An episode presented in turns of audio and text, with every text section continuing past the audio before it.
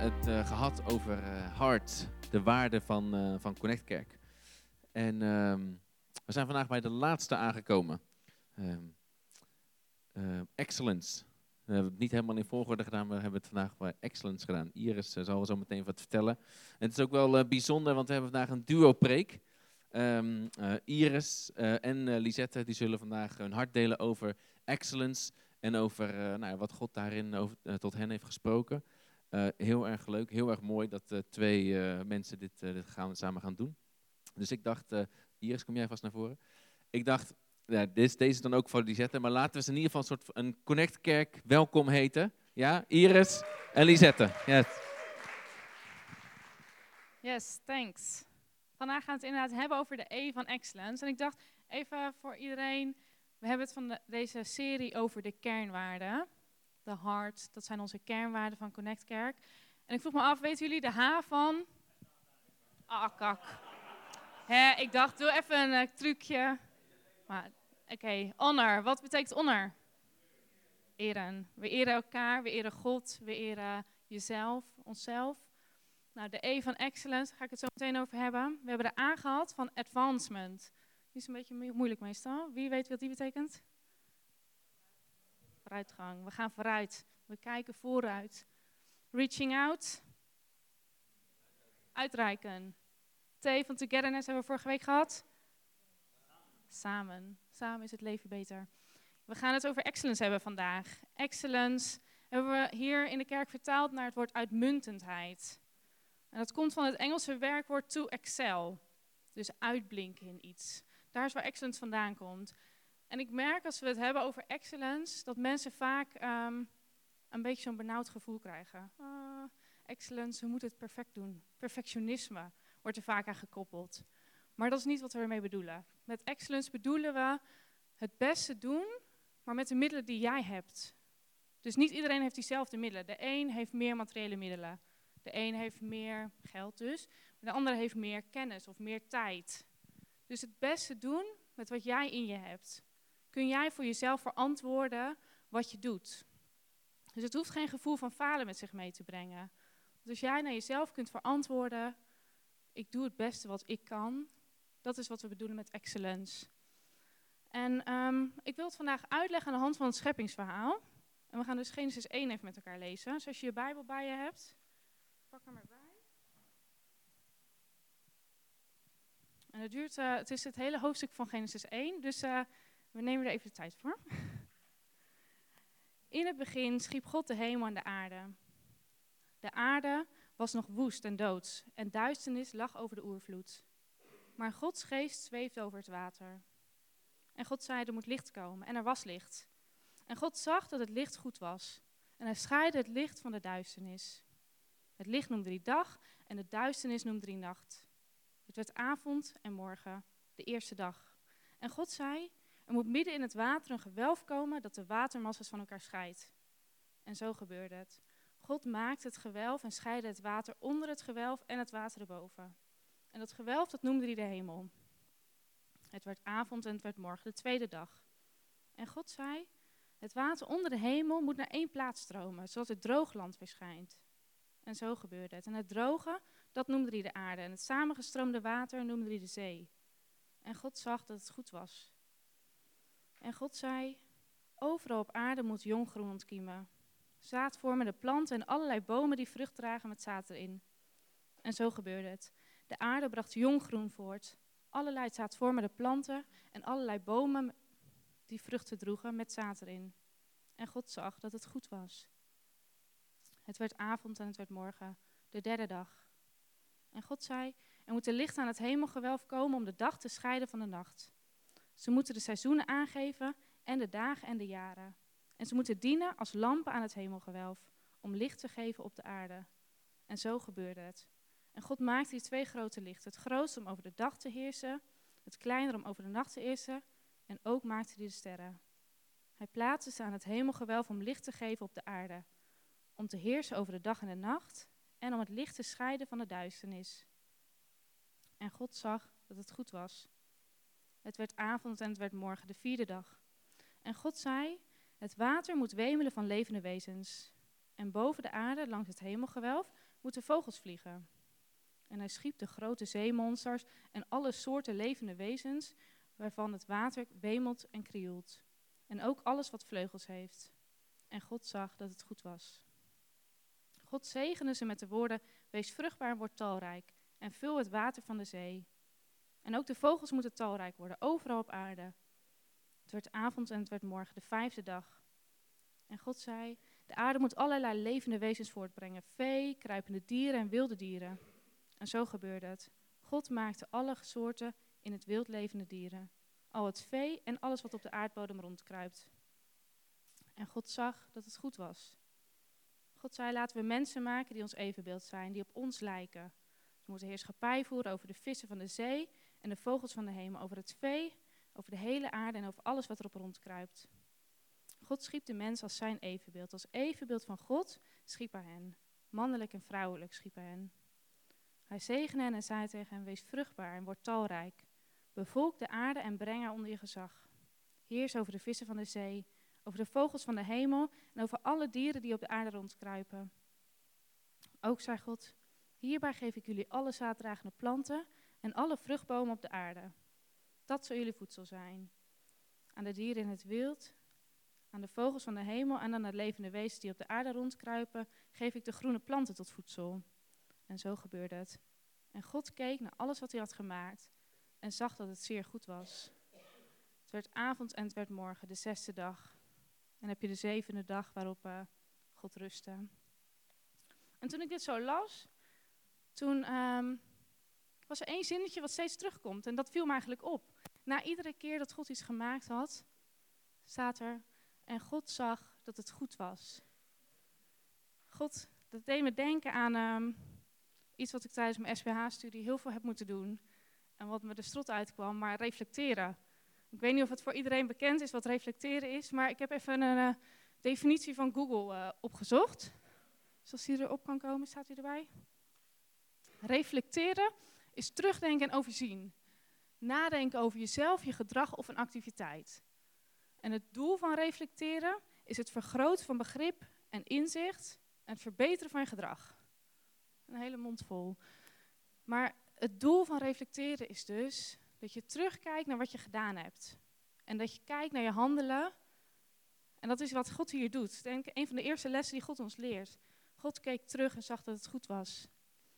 En um, nou, ik vroeg me af, durf jij soms jezelf die spiegel voor te houden? Soms kan het reflecteren best wel heel confronterend zijn. En uh, nou ja, soms moet ik eerlijk zeggen, durf ik mezelf die spiegel niet voor te houden. Weet ik best dat ik iets niet goed heb gedaan, dat ik het misschien wel anders had kunnen doen, maar heb ik geen zin om erover na te denken. Heb ik geen zin om het te verbeteren. Want ik weet dat ik daarvoor um, door pijn heen moet. Ik weet dat ik daarvoor iets aan de kant moet zetten wat ik eigenlijk niet los wil laten. Maar um, ja, voor, voor reflecteren moet je dus openstellen voor die feedback. En uh, openstellen voor verandering. En ik weet nog tijdens mijn stage dat um, ik uh, liep een heel jaar stage en op een gegeven moment was ik er echt klaar mee. Dat reflecteren. Iedere week moet je zo'n reflectieverslag inleveren. En ik dacht ik weet wel dat ik echt dingen niet goed doe, maar ik heb geen zin om erover na te denken. Wat nou als ik gewoon werk? Dan hoef ik dat niet meer te doen. Maar uiteindelijk merkte ik, ik heb het een paar weken overgeslagen. En uh, ik merkte op een gegeven moment dat het eigenlijk best wel saai is. Je komt in een sleur terecht. Als je niet nadenkt over wat je zelf doet. Want ik merkte, anderen geven mij die feedback niet zomaar.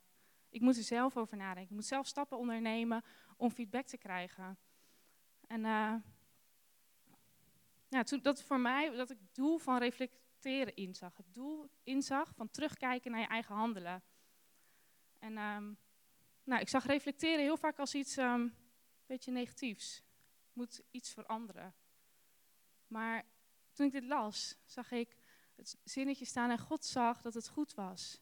Dus dat reflecteren is niet per se terugkijken op alles wat je verkeerd hebt gedaan, maar je kan ook terugkijken op wat je goed hebt gedaan. En soms vergeten we dat misschien. Soms vergeet je dat er dingen zijn die je best wel goed doet. En ik moest denken aan, um, afgelopen jaren hebben Floris en ik een internship gedaan in de kerk in Engeland. En ik weet nog, die eerste maanden waren echt heel zwaar. ik, had echt, ik heb echt zoveel dagen gehad dat ik dacht, ik wil ermee stoppen. Ik wil terug naar Nederland, laat het maar. Lange werkdagen, kom je thuis s'avonds om 12 uur, zet je je wekker, oh, nog 6 uur, dan moet ik weer aan de slag. Ik kan niet meer, ik ben op. En, ehm, tot, en toen, had ik, toen bedacht ik me, oh, ik heb ook nog beloofd aan mijn thuisfront, aan mijn familie, dat ik een blog zou gaan bijhouden.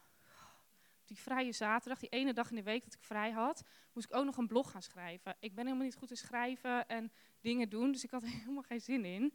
Maar ja, er was nog maar één blog uh, verschenen tot aan de maand december, dus ik dacht, ja, ik moet toch echt maar even wat schrijven. Anders dan ben ik steeds aan iedereen aan het uitleggen wat ik nou aan het doen ben. En dus ik uh, op mijn vrije zaterdag die blog gaan schrijven. En ik zat er, zoals ik net zei, zat ik echt wel een beetje doorheen. Maar terwijl ik die blog aan het schrijven was en dus terug aan het kijken was op die periode die er achter me lag, wat ik allemaal heb gedaan, besefte ik me dat ik inderdaad, het was een hele zware tijd geweest, maar er waren zoveel mooie dingen gebeurd. Ik had, was mijn ogen gewoon gaan sluiten voor al die mensen die ik tot geloof heb zien komen. En nou ja, doordat ik zo vast zat in het is zwaar, het is moeilijk, de dagen zijn lang, zag ik even niet meer hoe mooi het eigenlijk ook was. Hoeveel vriendschap ik in die tijd heb opgebouwd en hoe dicht ik bij God uh, leefde. Dus dat wil ik met jullie meegeven, dat je soms ook terug moet kijken op wat je wel goed hebt gedaan. Terugkijken op misschien een hele moeilijke tijd, maar wat heb je ervan geleerd? Wat is goed gegaan in die tijd? Wat, ik geloof dat je er sterker uitkomt. Dus kijk terug op wat je uh, leert. Dat kan je blik veranderen. Dat kan je hele blik op je uh, situatie veranderen. Nou, er is nog een laatste ding wat ik wil delen uit het scheppingsverhaal. En dat is dat God um, een visie had. En waar haal ik dat uit? De eerste dag maakte hij het licht. Toen dacht ik, ja, hij had ook alleen het licht kunnen maken en denken, wauw, dit is zo'n verbetering, een verandering. Dit is het helemaal. Maar dat God niet. God wist dat er nog iets veel mooiers te wachten stond. God wist dat er een aarde gemaakt moest worden. Iets waar nog, wat nog veel mooier kon worden dan alleen maar licht en duisternis. Dus um, God maakte die ene dag, wachtte die volgende dag. Ik ga weer aan de slag. Er is iets nieuws te gebeuren. Ik moet nog meer doen. Ik kan er nog een schepje bovenop doen maakt het volgende. Nou, tot aan de zesde dag waarop hij zei, dit was het. Dit is wat ik voor ogen had. Dit is het doel wat ik bereikt heb. En ik denk, God had hier een heel duidelijk doel voor ogen waar hij naartoe wilde werken. Hij wist hoe die aarde eruit moest gaan zien. Hij had iets voor ogen, een doel. Maar soms hebben wij zo'n doel niet voor ogen. Als ik denk aan excellence, dan um, wil je vooruit gaan, dan wil je beter worden ergens in, wil je ergens in gaan uitblinken. Maar soms heb je niet heel duidelijk een doel voor ogen. Soms weet je niet hoe je nog beter kunt worden. En um, ik moest denken aan het voorbeeld dat ik vroeger bij mijn ouders in de kerk zat, in de CGK bij mijn ouders. En wij gingen nooit koffie drinken na de dienst. Dat deden we gewoon niet, dat gebeurde niet. Totdat iemand een keer met dat idee kwam, hey, misschien is het wel goed om een keer met elkaar samen bindend koffie te gaan drinken na de dienst. Nou goed, laten we het eens proberen. Dus een iemand die uh, ging heel vroeg de dienst uit om de koffieautomaat aan te zetten. En um, toen kwamen we tot ontdekking dat het inderdaad iets een hele samenbindende factor is. Volgens mij doen ze het nu nog steeds iedere maand. één keer na de dienst drinken ze koffie. Maar toen kwam ik als student hier in Ede en dan ging ik allerlei kerken langs. En kwam ik tot ontdekking dat mensen dat gewoon iedere week doen, koffie drinken na de dienst. Dus ik, wauw, waarom eigenlijk ook niet iedere week? samenkomen en van de kerk zijn, echt een gemeenschap maken. Toen kwam ik bij Connect Kerk. Toen was er niet alleen koffie, kwam er ook koek en fruit. Toen dacht ik, wow, dat is echt een stap vooruit. We hebben zelfs fruit na de kerkdienst. En toen kwam ik afgelopen jaar in Engeland en toen stonden mensen op zaterdag uh, cake te bakken voor de zondagse dienst en uh, fruit te snijden. Maar als je dus steeds maar in je eigen kokonnetje blijft, dat is wat ik ermee wil zeggen. Als je steeds maar um, blijf bij waar je bent, dan zie je soms niet hoe het beter kan. Dus soms is het goed om even uit te stappen uit je eigen comfortzone en uit te stappen en te kijken hoe kan ik mezelf nog verbeteren? Hoe kan ik beter worden in wat ik doe? Dus dat is wat ik met jullie mee wilde geven. Ik had één slotzin opgeschreven. En dat is dus om naar excellence te streven, moet je blijven reflecteren. Blijf terugkijken op wat je gedaan hebt. En kijk ook naar wat je goed hebt gedaan. En uh, blijf vervolgens niet in je eigen comfortzone zitten, maar stap uit en kijk hoe je nog kunt verbeteren. Als je niet uitstapt, zie je vaak niet hoe je dingen nog kunt verbeteren. Dus dat is wat ik met jullie wilde delen. En dan gaat Lisette verder uh, iets over excellence vertellen.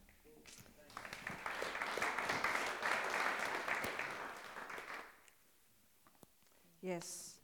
Oké, dus excellence. Wat we doen, willen we graag goed doen. Dat is een van de waarden van Connect Kerk. En ik hoop dat het niet alleen een waarde van Connect Kerk is, maar ook voor jullie en voor mij persoonlijk. Want ik denk dat het in deze tijd iets is waarmee we ons kunnen onderscheiden. We leven in een tijd waarin alles heel vluchtig gaat, snel is. Waarin er weinig tijd is om uh, nou ja, echt met mensen een band op te bouwen. En aandacht is iets wat heel bijzonder is in deze tijd. Hoe vaak gebeurt het wel niet dat we vragen aan iemand hoe gaat het met je en je bent eigenlijk al doorgelopen. En oh wee, als die persoon dan ook nog zegt eigenlijk niet zo goed, want dan moet je terugkomen en dan moet je het gesprek aangaan. Aandacht is iets heel bijzonders en dat is iets waarmee wij ons als christenen kunnen onderscheiden.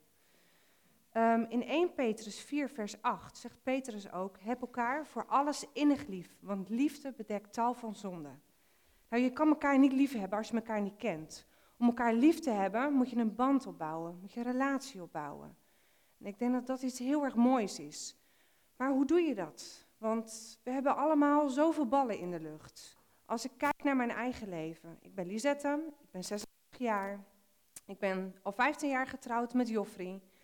Ik ben moeder van twee kinderen. Abel van 9, Saar van 6. Ik heb accountancy gestudeerd en ik werk drie dagen in de week bij een bedrijf in Veenendaal waarbij we ondernemers ondersteunen. Alleen dat zijn al veel ballen om in de lucht te houden in één week.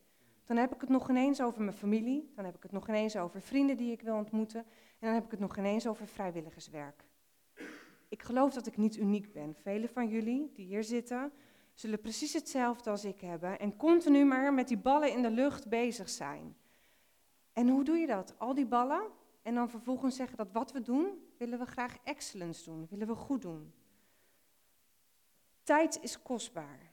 Geld kan je verdienen. Ehm, de meeste van ons zullen in staat zijn om meer geld te verdienen door de carrière ladder te gaan bestijgen of om meer uren te gaan werken. Je kan ook besparen op je uitgaven, waardoor je meer geld overhoudt. Maar tijd kan je niet verdienen. Er zit maar 24 uur in een dag en als die dag voorbij is, is het op. Tijd kan je niet overdoen en je kan het niet bijkopen. Dus tijd is nog veel kostbaarder dan dat geld is. Hoe je goed met je tijd omgaat, is dus eigenlijk de key om alles wat je doet met excellence te kunnen doen. En daar wil ik vanochtend met jullie naar kijken. Ik heb zes punten. Bij elk punt heb ik ook een tip waar ik hoop dat je wat aan hebt om, om heel bewust met je tijd om te gaan. Nou, als eerste ons tijdmanagementprobleem. We beginnen met Jacobus 4, vers 14 en daarin staat, u weet niet eens hoe uw leven er morgen uitziet. U bent immers maar een damp die heel even verschijnt en dan nog verdwijnt. Nou, goedemorgen. Je leven is een damp. Wat voor een bemoediging is dat? Maar het is niet om zielig over te doen, het is heel realistisch. Weet je, ik weet nog heel goed dat Abel, mijn oudste, werd geboren en dat ik dat hele kleine hummeltje in mijn armen had. En als ik nu kijk, is hij negen jaar, weet je, is het echt een grote jongen, althans voor mij. En dan kijk ik terug, denk ik, jeetje, wat is de tijd snel gegaan. Hij is alweer negen. Het voelt alsof de tijd door je vingers heen vliegt. En ik denk dat dat iets is wat we allemaal zullen kennen in ons leven. Dat tijd soms zo snel voor je gevoel voorbij kan gaan en je bent zomaar in één keer tien jaar verder. Het is realistisch om je te beseffen dat tijd voorbij gaat en dat tijd kort is. Maar God heeft ons op aarde geplaatst met een reden. Allereerst om Hem te leren kennen en om Hem lief te hebben. Als tweede om van andere mensen te houden. En als derde om mensen tot Zijn discipelen te maken. In die volgorde, niet andersom. Als we God kennen en als we van God houden, zullen we in staat zijn om op een andere manier van de mensen om ons heen te houden. Want dan doen we dat niet vanuit ons eigen hart, want dan doen we dat vanuit Gods hart. En dan zullen we in staat zijn, als we van andere mensen houden, om andere mensen bij God te kunnen brengen. We zijn niet gemaakt om onze tijd op aarde uit te zitten en om te wachten totdat de eeuwigheid begint. We zijn gemaakt om deel uit te maken van deze wereld, om cultuur te creëren En om andere mensen te dienen door ons leven heen en door ons werk heen, door de plekken waar we komen. Hiervoor hebben we een gezond gevoel van urgentie nodig. Want hoe ga je dan met die tijd om die je hebt? En hoe, maken, hoe halen we het meeste uit de kostbare tijd die ons gegeven is? En dat is niet makkelijk. Als het wel makkelijk zou zijn geweest, zouden er niet zoveel managementboeken over time management geschreven zijn. Als het makkelijk zou zijn geweest, zouden niet zoveel mensen met stress te maken hebben of met burn-out klachten. Het is moeilijk om met die ballen die we in de lucht houden onze tijd goed te besteden. Um, als we kijken naar Johannes 9, vers 1 tot 7, is dat een voorbeeld hoe Jezus met tijd omgaat. Ik kan helaas het verhaal niet helemaal uitdiepen, maar het is super interessant. Heel kort gezegd wat er gebeurt. Um, de discipelen zien een man die van, hun die van zijn geboorte af aan blind is. De discipelen beschouwen die man als een theologisch vraagstuk en ze vragen zich af hoe dat met zonde zit. Heel kenmerkend voor die tijd en ook hoe Joden daarnaar keken. Um, maar Jezus gaat eigenlijk voorbij aan de oorzaak van zijn blindheid of welke zonde dat dan is. En geeft aan, zegt tegen de discipelen dat um, het lijden en het pijn van iemand anders ook een mogelijkheid is dat God zijn heerlijkheid kan laten zien. En dan zegt hij in vers 4 vervolgens, zolang het dag is, moeten we het werk doen van hem die mij gezonden heeft. Straks komt de nacht en dan kan niemand iets doen. Er zijn drie mogelijkheden om te reageren op moeilijkheden, op pijn, op lijden. De eerste is afreageren. Vanuit een negatieve houding de problemen aan de kant willen duwen of er bovenop te springen, zeggen wat er fout gaat of dat het iemand anders schuld is. Een tweede manier om daarop te reageren is om te gaan filosoferen. En dat was eigenlijk wat heel kenmerkend is voor, uh, voor Joden, zeker ook in die tijd. Er is iets wat ze misschien niet snappen en in plaats van zwart-wit denken, gaan ze bedenken, hé, hey, hoe heeft dit kunnen gebeuren? Hoe had het anders kunnen gebeuren? Wat kunnen wij misschien eraan veranderen? Zo kan je ook naar een probleem kijken. Het derde is, is wat Jezus in dit geval deed. Jezus ging helpen. Hij ging niet het probleem op een negatieve manier benaderen. Hij ging er niet over nadenken wat er allemaal anders had kunnen gebeuren of wiens zonde het was geweest waardoor die man blind was. Nee, hij hielp. Elk probleem was een uitdaging voor Jezus en een gelegenheid om Gods werk te doen. En zolang het dag is, slaat op de dagen dat Jezus, maar ook wij, hier op aarde zijn. Zolang het dag is, hebben wij tijd om Gods werk hier op aarde te laten zien aan de mensen om ons heen. Maar er komt zometeen een nacht, namelijk de tijd dat we er niet meer zijn op aarde en dan kunnen we niks meer doen. Dus hoe gaan we met die tijd om dat we hier op aarde zijn? De eerste tip die ik jullie wil meegeven is denk eens na hoe je graag wil dat jouw leven verloopt. Als je over een paar jaar terugkijkt, wat zou je dan graag gezien willen hebben in je leven? Hoe je je tijd besteed hebt. Nou, de tweede is stel je grenzen. In Lucas 5, vers 15 tot 16 staat, maar het nieuws over hem verspreidde zich juist verder. En grote mensenmassa's verzamelden zich om naar hem te luisteren en zich van hun ziekten te laten genezen. Hij zelf trok zich geregeld terug op eenzame plaatsen om er te bidden. In de evangelie lezen we herhaaldelijk dat Jezus tijd in eenzaamheid doorbracht. Hieruit kunnen we concluderen dat Jezus een meester was in het stellen van grenzen aan zijn tijd en te bepalen hoe hij met zijn tijd omging. Um, over het algemeen zijn de mensen het erover eens dat Jezus 30 jaar was toen hij gedoopt werd en dat hij 33 jaar was toen hij gekruisigd werd. Dat betekent dat hij slechts drie jaar had om te doen waarvoor hij gekomen was. Dat is nog eens kostbare tijd. Jezus gebruikte deze drie jaar niet om continu bezig te zijn met het doen van genezingen en wonderen. Hij gebruikte deze drie jaar ook niet volledig om mensenmenigte toe te spreken met hoe het nou precies allemaal zit en hoe God het bedoeld heeft. En hij besteedde ook niet de volledige drie jaar met het samen zijn met vrienden, met discipelen. Hij bracht veel tijd in eenzaamheid door. Dat was een bewuste keuze van hem, omdat hij wist dat hij het nodig had zodat hij tot zijn doel kon komen. Nou, als Jezus al tijd neemt om stil te zijn, om zich terug te trekken en om bij God te zijn, hoeveel meer zouden wij dat dan wel niet moeten doen? Iedereen van ons zal waarschijnlijk wel eens gehoord hebben over het geven van je tiende van geld. Of om in ieder geval een stukje geld wat je gekregen hebt om weer terug te geven aan God. Met het idee om niet vast te gaan houden aan aardse bezittingen, maar om God het eerste te geven van wat wij hebben. Maar hoe bewust gaan we om met het geven van onze tijd? Geven we een deel van onze tijd weer opnieuw terug aan God? En wat is onze prioriteit? Wat staat er op nummer 1 als we ons tijd indelen? Is dat je gezin? Is het je werk? Zijn het je vrienden? Of mag God het zijn?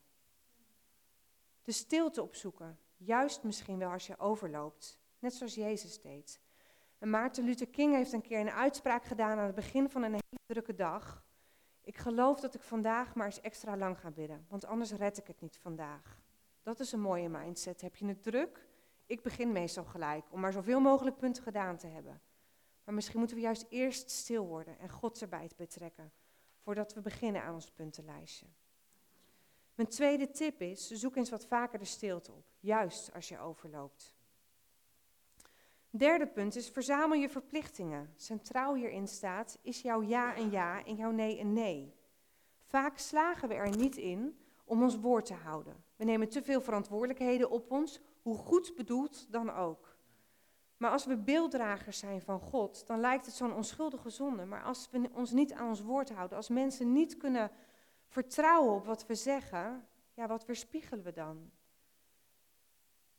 Neem eens af en toe je tijd om je verplichtingen eens op te schrijven en, na te denken over wat je toegezegd hebt aan anderen. In Matthäus 5, vers, vers 37 kunnen we lezen dat Jezus zegt: Laat jullie ja, ja zijn en jullie nee, nee. Wat je daaraan toevoegt, komt voort uit het kwaad. Vlak daarvoor zegt Jezus dat je geen valse eed mag afleggen en dat je niet moet zweren. Waarom? Als jouw ja een ja is, hoef je toch niks te beloven? Je zegt, je zegt toch wat je bedoelt en je doet toch wat je zegt. En Jezus maakt ons daar bewust op. Hij wil dat we mensen van ons woord zijn, zodat we niks hoeven te beloven.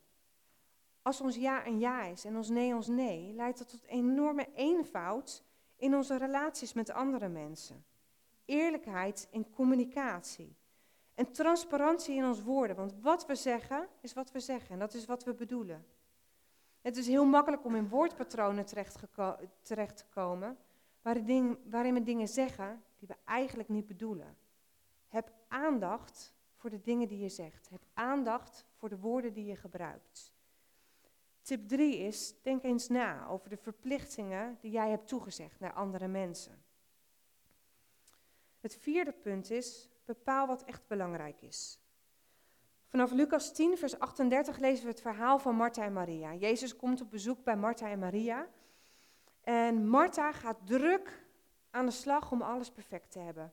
De huis netjes op orde, ze gaat bezig met eten koken. Maar Maria gaat aan de voeten van Jezus zitten om naar Jezus te luisteren. En op een gegeven moment gaat Martha bij Jezus klagen van, Jezus, ik ben hartstikke druk en Maria die kan me goed, goed helpen, ik kan haar hulp gebruiken, maar ze gaat hier zitten bij u. Maar dan krijgt Martha ervan langs van Jezus. En Jezus zegt, op dit moment is er maar één ding belangrijk. En Maria heeft het begrepen. Nou is het niet zo dat wat Martha deed onbelangrijk was. Want waarschijnlijk vroeg of laat zullen ze honger hebben gekregen en was het fijn dat er eten was.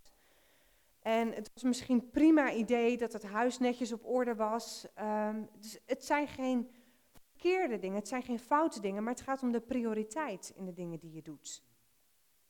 Bij het vorige punt hebben we gekeken naar verzamel je verplichtingen.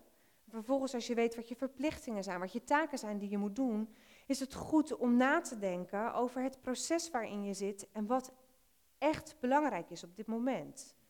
Dan is het goed om te weten welk pad je op dit moment aan het bewandelen bent, ook met God.